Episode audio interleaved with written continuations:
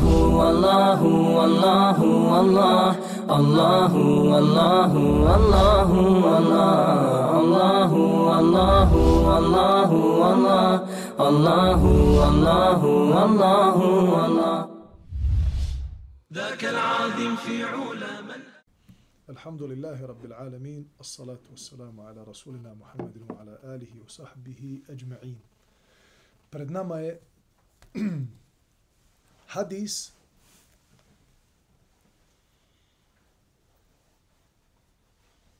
koji nosi sa sobom veliko značenje.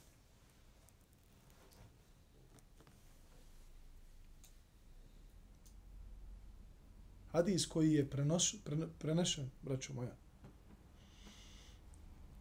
kod Buharije i kod muslima u sahihima. Prenosi se vjerodostojno.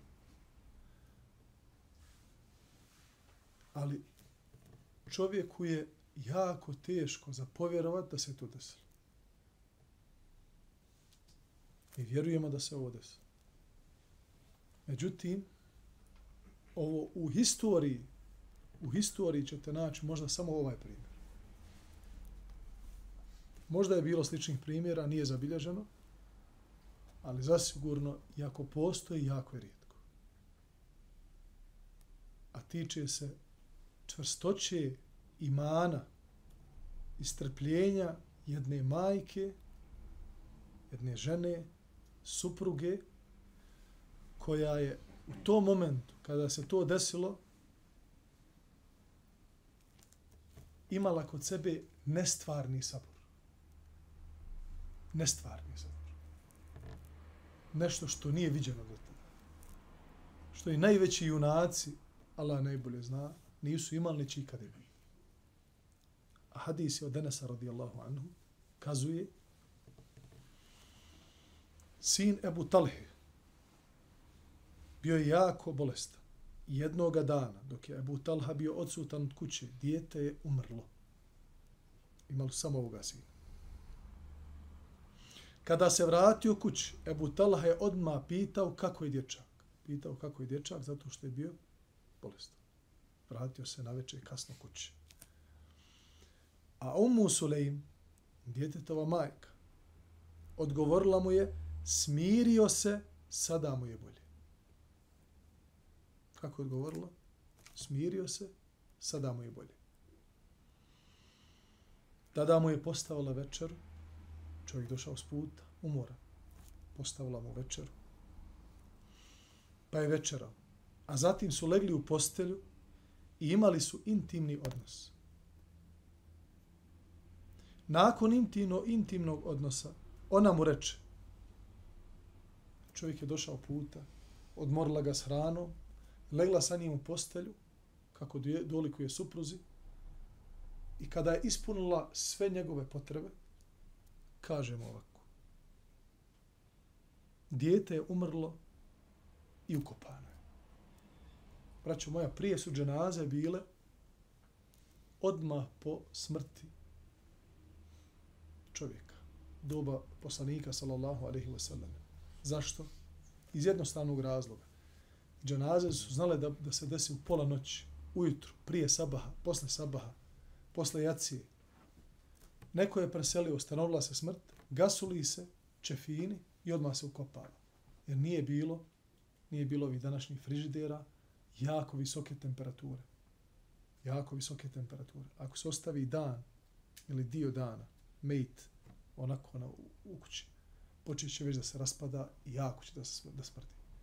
I onda je dijete odmah čim je preselilo toga dana, ogasolino, čefini i ukopano.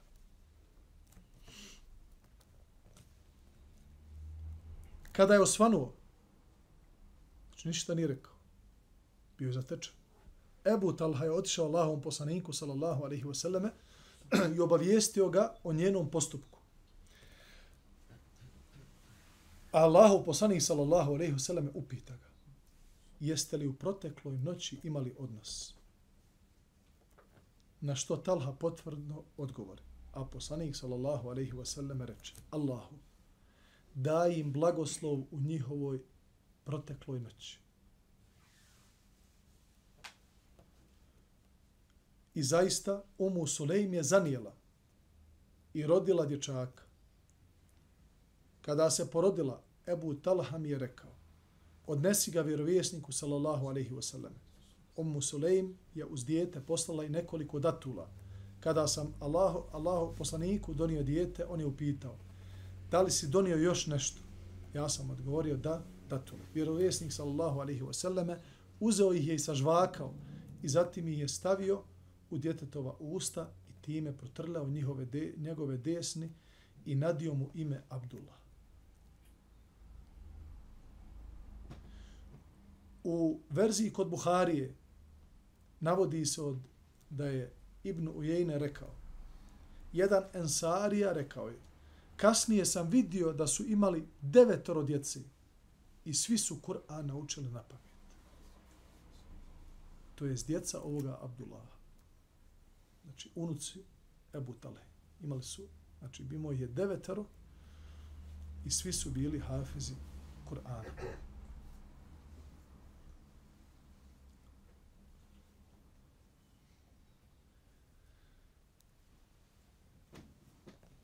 braćo moja, uh,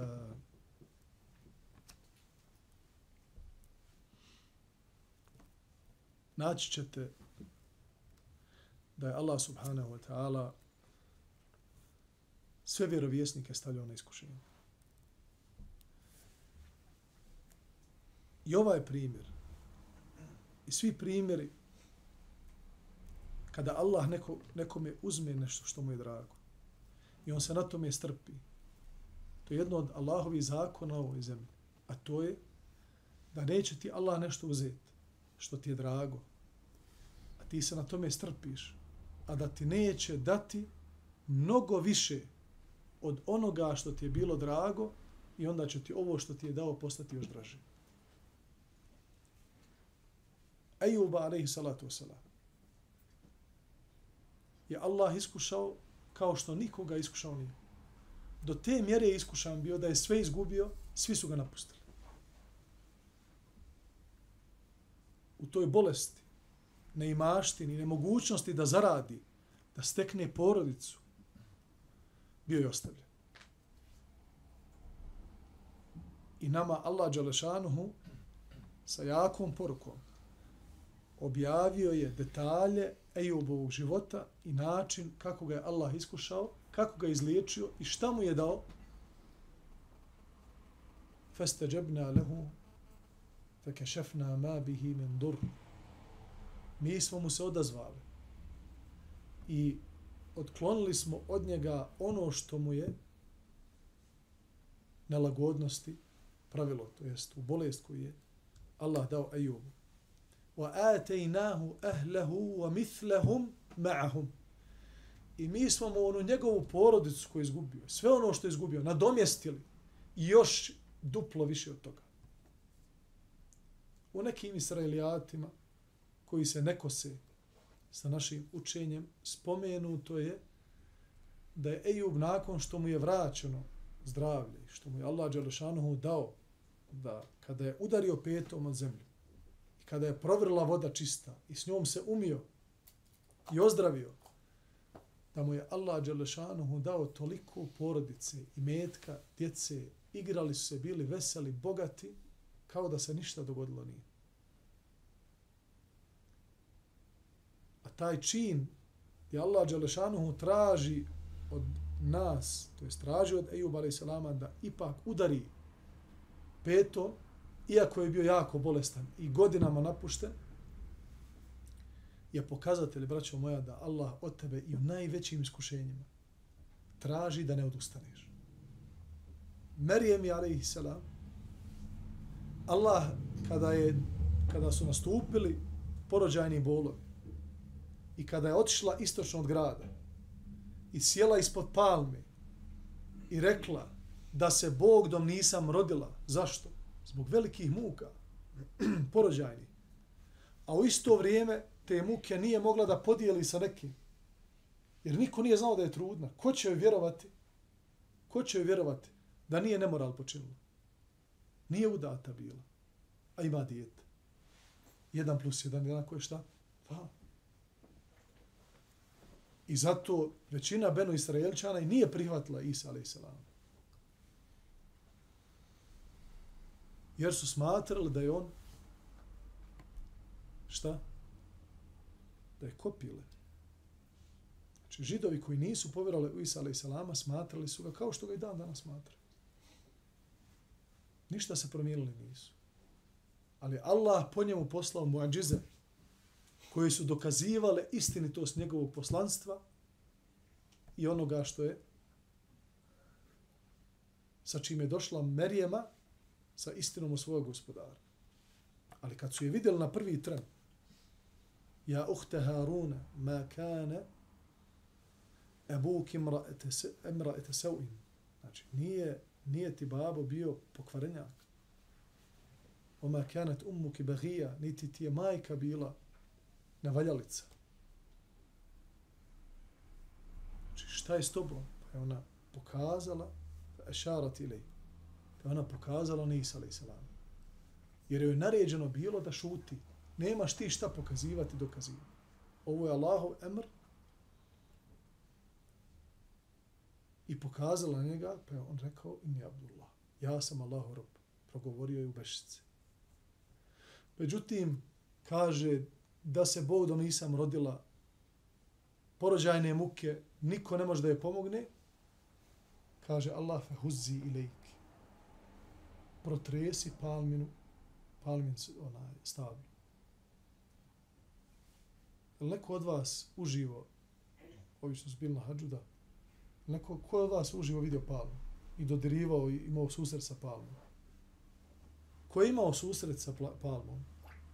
Vidio je da ne možeš palmu pomjeriti, znači deset ljudi, da dođe i da, da, da mrda palmu, nema šanse. To je takvo, to je tako jako drvo.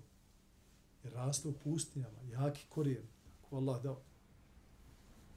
Međutim, iako je Allah znao da ona ne, nije sposobna da, da mrda, ona kako će ona mrda? Pale su datule. Ali kaže Allah, potrudi se. Jesam ti iskušao stavio sam te na bol, na veliku kušnju, ali nemoj odustajati. U najtežijim situacijama pao si na koljena, ne vidiš ispred sebe, ustani i nastavi da koračaš. Jer je sve mimo tvoje misije da si musliman, Allahov rob, koji traži njegovo zadovoljstvo i korača ka ahiretu, želeći na ahiretu da mu Allah kaže idi oprostio sam ti i uđi u ženevska prostranstva, sve mimo toga je manji cilj, manje vrijedno. I ne bi smjelo da te zaustavi. Ako već ideš tim putem i tražiš od Allaha da te pomogne, svi ostali putevi koji su manji od tog puta, ne smiju da te zaustave, ne smiju da budu prepreka u tvome životu. Da padneš u pesimizam, u depresiju, u nevolju za životom. Allah ovim primjerima nam daje očit, znači očito nam otvara nam vrata razmišljanja da Allah traži od nas da budemo živi. Dok smo živi, budi živ, budi koristan sebi i drugima. Nemoj biti uspavan. Udari nogom o tlo, izaći će izvor koji će biti lijek. Zatresi palmu, iako je ne može protresti. Zatresi palmu, pas će datule koje će ti pomoći. I dokazano je danas, zbog svih svojstava koje posjeduje datula, da pomaže ženama i olakšava pri porođajnim mukama i umanjuje, umanjuje znači, porođajnu bol.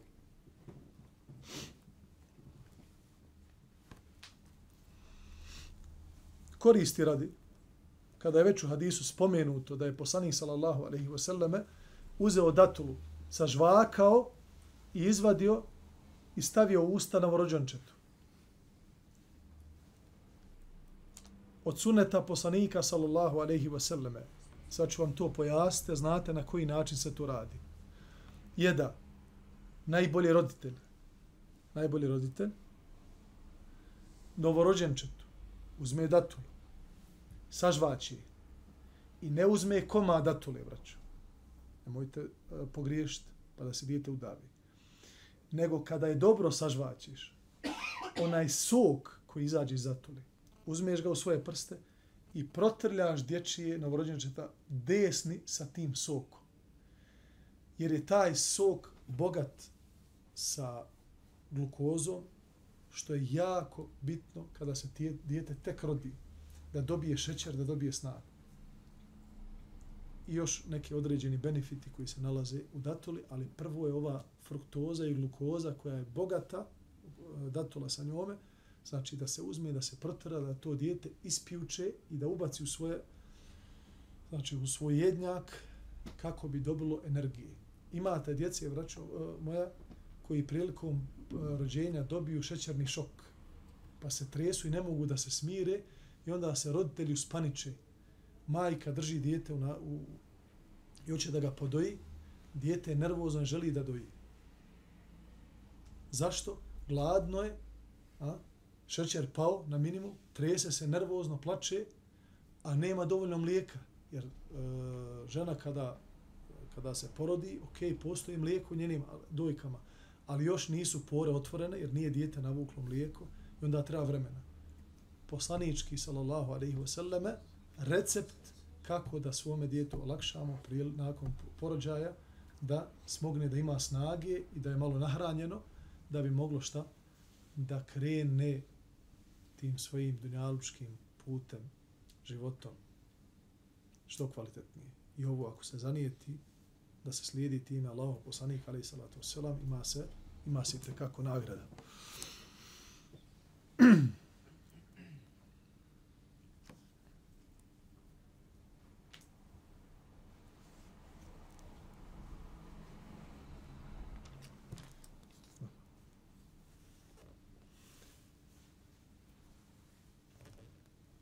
Sada ide sljedeći hadis koji smo već a, citirali, tumačili smo ga. Hadis o srđbi. Mhm. Od Ebu Horeire radijallahu anhu se prenosi da je poslanik sallallahu alaihi wasallam rekao nije junaštvo bis sura'a. Sura'a hrvanje da čovjek pobjede. Nego je junaštvo savladati sebe prilikom srđbe. Mutafakun alih.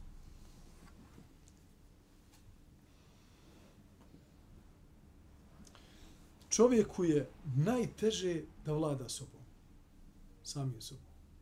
To je najveći zadatak koji čovjek ima na ovom svijetu. Vidjet ćete čovjeka koji vodi firmu stotinu ljudi.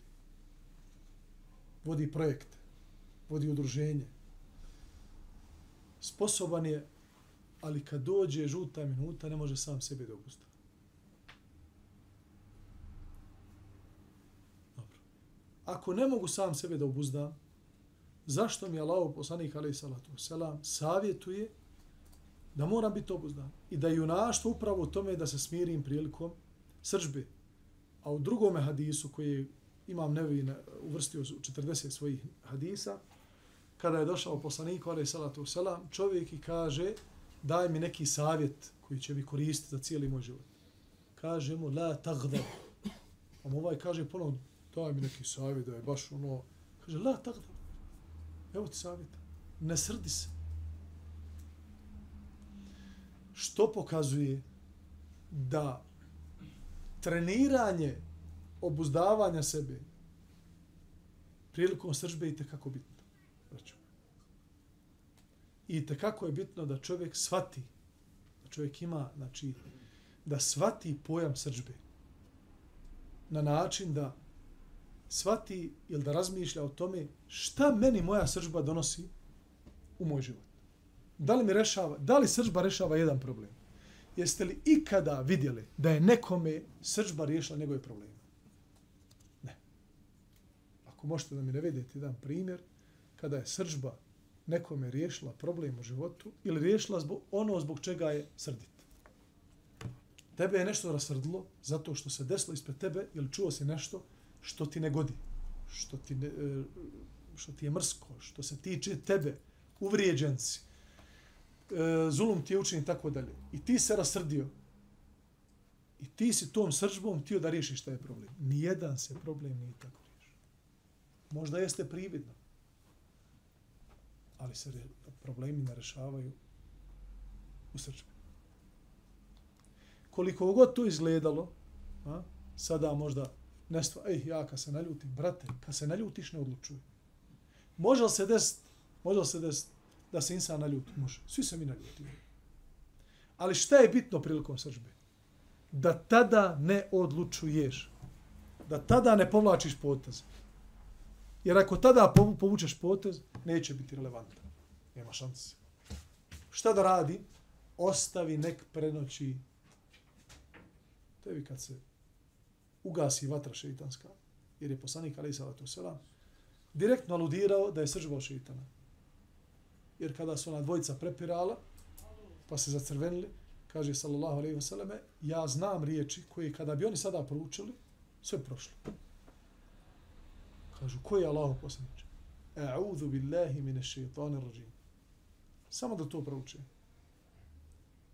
Dobro, neko će sada reći, Boga mi, ja sam se naljutio prošle sedmice, deset puta sam rekao, a'udhu billahi mine šeitanir rajim, ništa. A'udhu billahi mine šeitanir rajim, ko sržbe, kada čovjek iskreno to, znači, iskreno kaže, direktno samim sebi, E, samome sebi kaže, ja želim da izađem iz, iz, iz ovog hala, iz ovog stana, iz sržbe.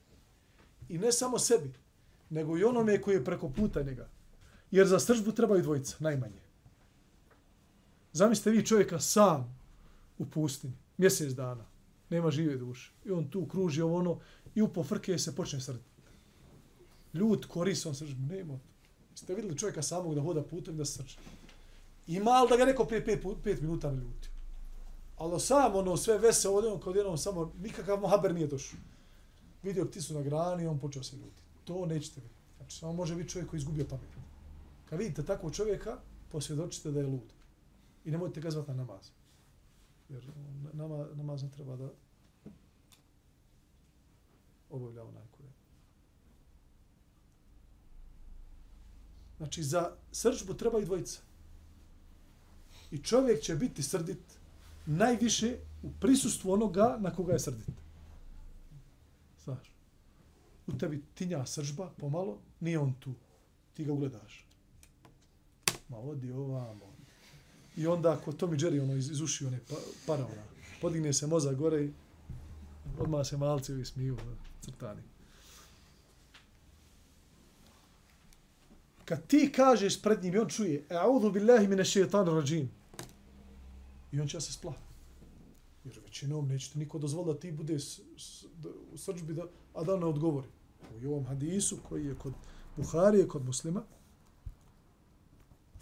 onaj, mutefakun alejhi, da su, kada je jedan se rasrdio i drugi se rasrdio, ne da na sebe. I onda se posveđa. Ali ti kad kažeš, a ovo bilemene šetan rođim, ja sam spreman da izađem iz ovoga hala. Odmah šalješ poruku. I odmah je drugačije stanje. I onda je šetan tu slabi.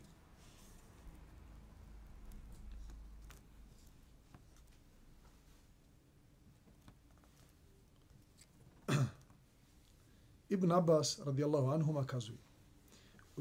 Ujejne ibn Hisn došao je posjetu svome bratiću Horru ibn Kajsu, koji je bio jedan od Omerovih bliskih saradnika. A svi Omerovi prijatelji, saradnici, mlađi i stari, bili su pobožni učenjaci. Braćo moja, jako bitna stvar. Omer radijallahu anhu, znamo ko je Omer.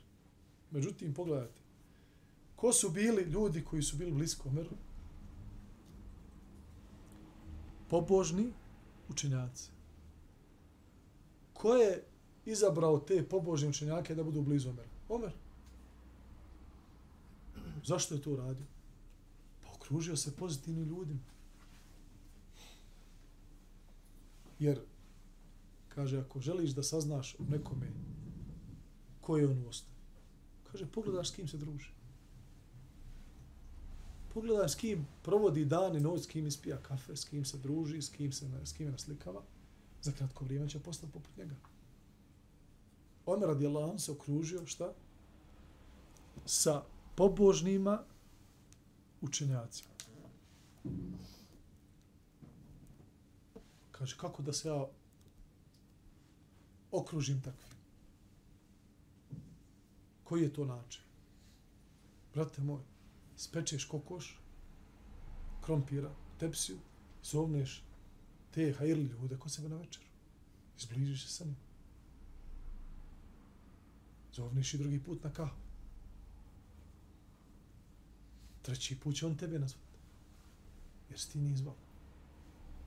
Znači malo uložiš, investiraš, hajli ljude, da bi šta? Da bi dobio za, uvrat, za uzvrat hajli društvo. Ako investiraš u neke bandite, ako ti oni budu dolazili kući, i on će tebe onda zvati. E, paša moj, dobit ćeš i ti poziv. On će on investirati u tebe. I onda će investicija da bude bankrot. Znajući za ugled koji Hor uživa kod Omera, u Jejne zamoli svoga bratića. Ti uživaš ugled kod ovoga vođe, pa zatraži od njega dozvolu da ga podsjeti. Da ga posjeti. Šta je ovo? Štela, tako. Ti iz dobar sa ovim. To je uvijek vraćao bilo. Ali treba čovjek da iskoristi svoj položaj u društvu za hajr. Pomogne drugim ljudima. To je jedno od načina kako čovjek da zaradi dobra djela.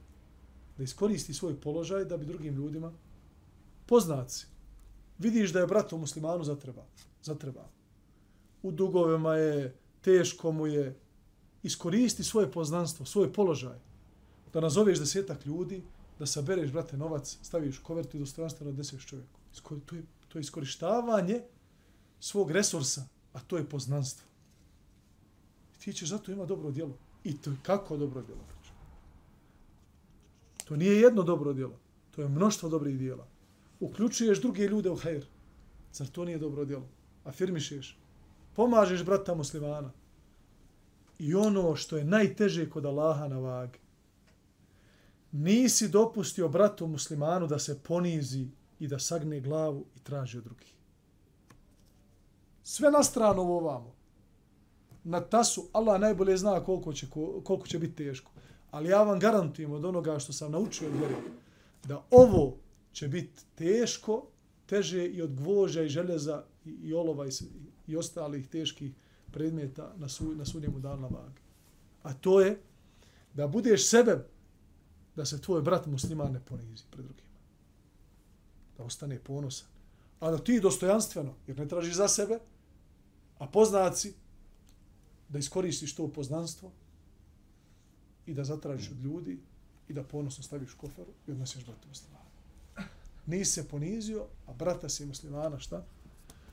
Sačuvao od eventualnog poniženja, jer je svako traženje od ljudi poniženja, braćo na, na ovakav ili onakav način. Za sebe lično. Tražiš za sebe lično, ti se ponizio. Ti se ponizio. Tražiš od Allaha, uzvi, uzvisiš se. Tražiš od ljudi, ponižiš se osim ako tražiš za, za drugoga. Znači ovdje šta? Hoće da uđe kod Omera preko štijeli. Preko svoga rođaka. Hor tako i uradi. A Omer pristade. Omer šta? Pristade. Či da je ovaj ušao bez rođaka, rekao bi Omer, ja te ne znam. Međutim, preko rođaka došao, a rođak ugleda kod Omera, nije Omer mogao da ga odbije. Kada je Ujejne ušao kod Omera, rekao je, Sine Hatabu, tako mi Allaha, ti nam ne daješ mnogo, niti među nama pravedno sudiš. Šta je ovo? Šta je ovaj radio? Rođaku napravio Belaj. Napravio Belaj rođaku da Omer nije bio iskren. Znaš, o, djemer ti sad pred mojom, mojim ahbabima, uglednicima, požnjavacima, ponizni. Ko je nepravda? Sad ću ja tebi da dadnem. Međutim, Omer je, braćo moja, čovjek bio. I to jest, to jest čar zbog čega mi ljudima pričamo o ashabima. Čar je u tome što su i oni bili ljudi kao mi. Ali su se uzdigli duhovno, braćo Su oni bili neka druga stvorenja. Meleci. Pa dobro, nije ču, nije ču da oni za meleke da budu dobri ljudi. Da hodaju po zemlji, da samo zikre, dijele, osmijehe i tako dalje. Ali ovo su bili ljudi, braći moja. Kao što smo imi. I tužni su, i srde se, i sretni su, i plaču, i smiju se. Omer radijalanu nije mu, nije mu bilo pravo. Znači ja te pustio kod sebe, preko štele, ti došao meni i još lažeš na mene, u mojoj kući. Rasrdi, kad čuši to, Omar ibn Hatab, toliko se rasrdio, da je čak pomislio i da ga fizički kazni. Jer Omer bio takav, znači, ako treba mene da, da, da, da mene neko, onaj, da sam zaslužio batine, batinajte me. Ako je neko drugi zaslužio, Boga mi ćemo ga batinati. Zato on bio vrata, nesalomljiva vrata fitne, braću, za fitnu. Znači, nije se mogla desiti fitna u doba Omera. Nemoguća misija. Nije mogla ni, ni kroz tučaoncu da prođe. Jer on je bio postojan. On je bio nesalovljiv, radi Allaha. Tek kad je on preselio, onda su krenuli fitnaroši da se širi, da šepore. Do tad se nisu čuli. Jer su znali, krenuo nešto, krenuo da pametuješ. Ti bi nešto zavađaš muslimane, ti bi da ovo, da ono, da praviš nered, da se odvajaš nema šanse. To možeš samo da pomisliš i onda da kažeš majka me nemala što ovo radi. Jer valja pred omera. Znači, nije dao radi Allahu anu da se to, da se, znači, e, takve stvari dešavaju dok je on bio halifa. Međutim, Hur se umješa među njih dvojicu i reče, vođo vjernika, Allah uzvišeni rekao je svojem vjerovjesniku,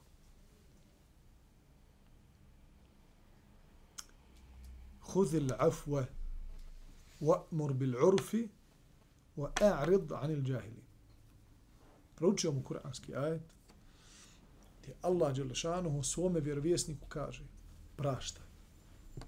Hudil afu. Znači drži se pravila da praštaš ljudima. Jer ako ne budemo praštali ljudima, pogotovo omladina, sada vi, ti imaš 20 godina, 25, i kreneš zamjerati jednom po jednom, ovaj mi radi, ovaj mi rekao, pa ti za 10 godina nećeš niskim družiti. Nećeš imati prijatelja.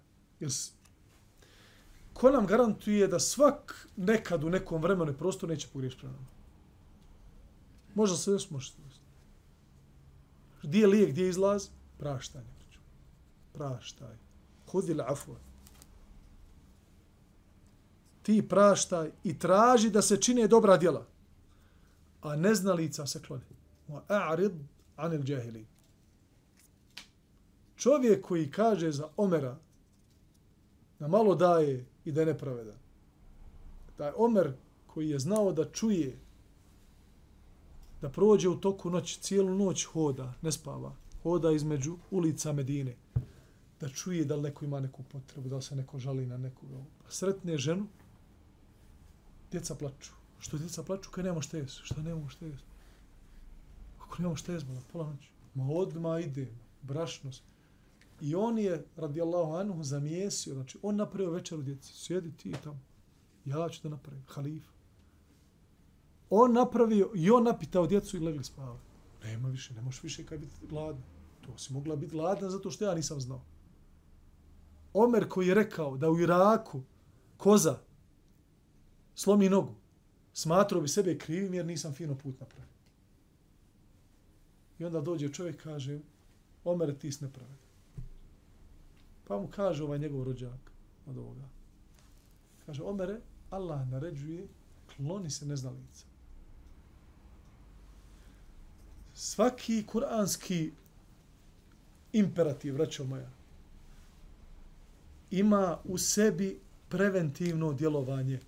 Zato znači preventivno djelovanje da sačuvaš sebe da se ne razboliš. Kad se razboliš, već je kasno. Preventivno djelovanje. Dođeš sa neznalicom u raspravu. Nikad pomijet nećeš. Jer on nema pravila po kojima će voditi raspravu s tobom.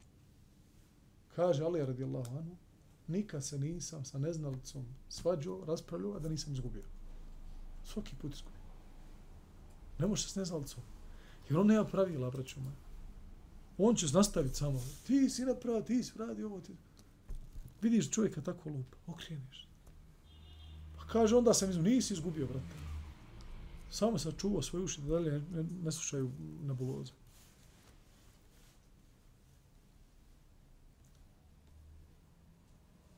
Kaže, kaže ovaj hor, kaže ovaj neznalca. Tako mi je Allah, proučeni ajeti su, kao i uvijek, zaustavili Omera kao da je na granicama koje je postavila knjiga uzvišenog Allaha. Hadid bilježi Buhari. Znači, kad je Omer radijallahu anu, čuo ovaj ajet, smirio se, smirio se i nije mu ništa učinio. S ovim ćemo završiti. Zadnja poruka ovoga hadisa. Omer radijallahu anhu se okružio šta? Pobožnim učenjacima. Koji su mu, kada je zatrebalo, pomogli na način da su ga podsjetili na Allaha. Jer ti ćeš nekada, brate moj, iako si dobar i pobožan, i imaš znanja, i imaš jaku želju da budeš onako kako se traži od te, međutim nisi nekad sposoban to da sam radiš. Neko će, neko će uspjeti da ti, da ti izbaci iz takta. Šta se u tom trenutku treba da desi? Treba da budeš okružen hajrli ljudima oko tebe koji će ti reći, brate moj, ja te na Allaha podsjećam. Ma ja ću ovo, ja ću ono. Polako. E, to je jedno od ključnih benefita da se čovjek okruži hajrli insanima, da budu oko njega, da budu njegovo društvo. Jer hajrli insan će te uzeti za ruku onda kada ti ne mogneš, zbog srđbe, zbog ovoga, zbog onoga, ne možeš da sam razlučiš, on će doći i reći, odi ovim putem. Koliko god da budeš sposoban. Evo, Omar radijallahu anhu, pravedni halifa, ashab koji, kao što kaže Hamza radijallahu anhu, i ostali ashabi nakon uh, kuće Arkam ibn, ibn Abi Arkam, kada je primio Omer ibn Hattab Islam, od tada se više nikada nisu krili.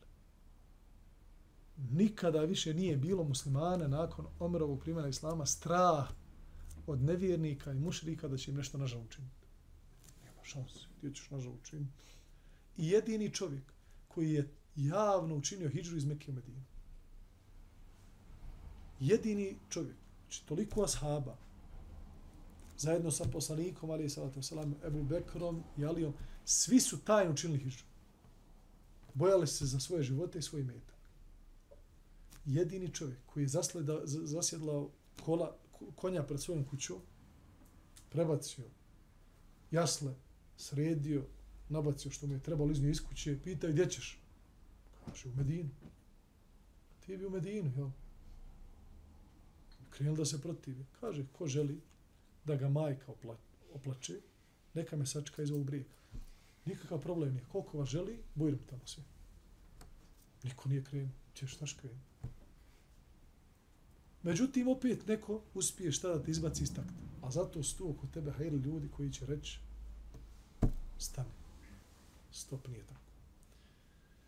Allah molim da nas smiluje, da nam ukaže na pravi put, da nas počasti hajli društvo iskrenim vjernicima A na hiretu nas proživi u društvu poslanika, šehida i dobrih ljudi. أقول قولي هذا وأستغفر الله لي ولكم سبحانك اللهم وبحمدك أشهد أن لا إله إلا أنت أستغفرك وأتوب إليك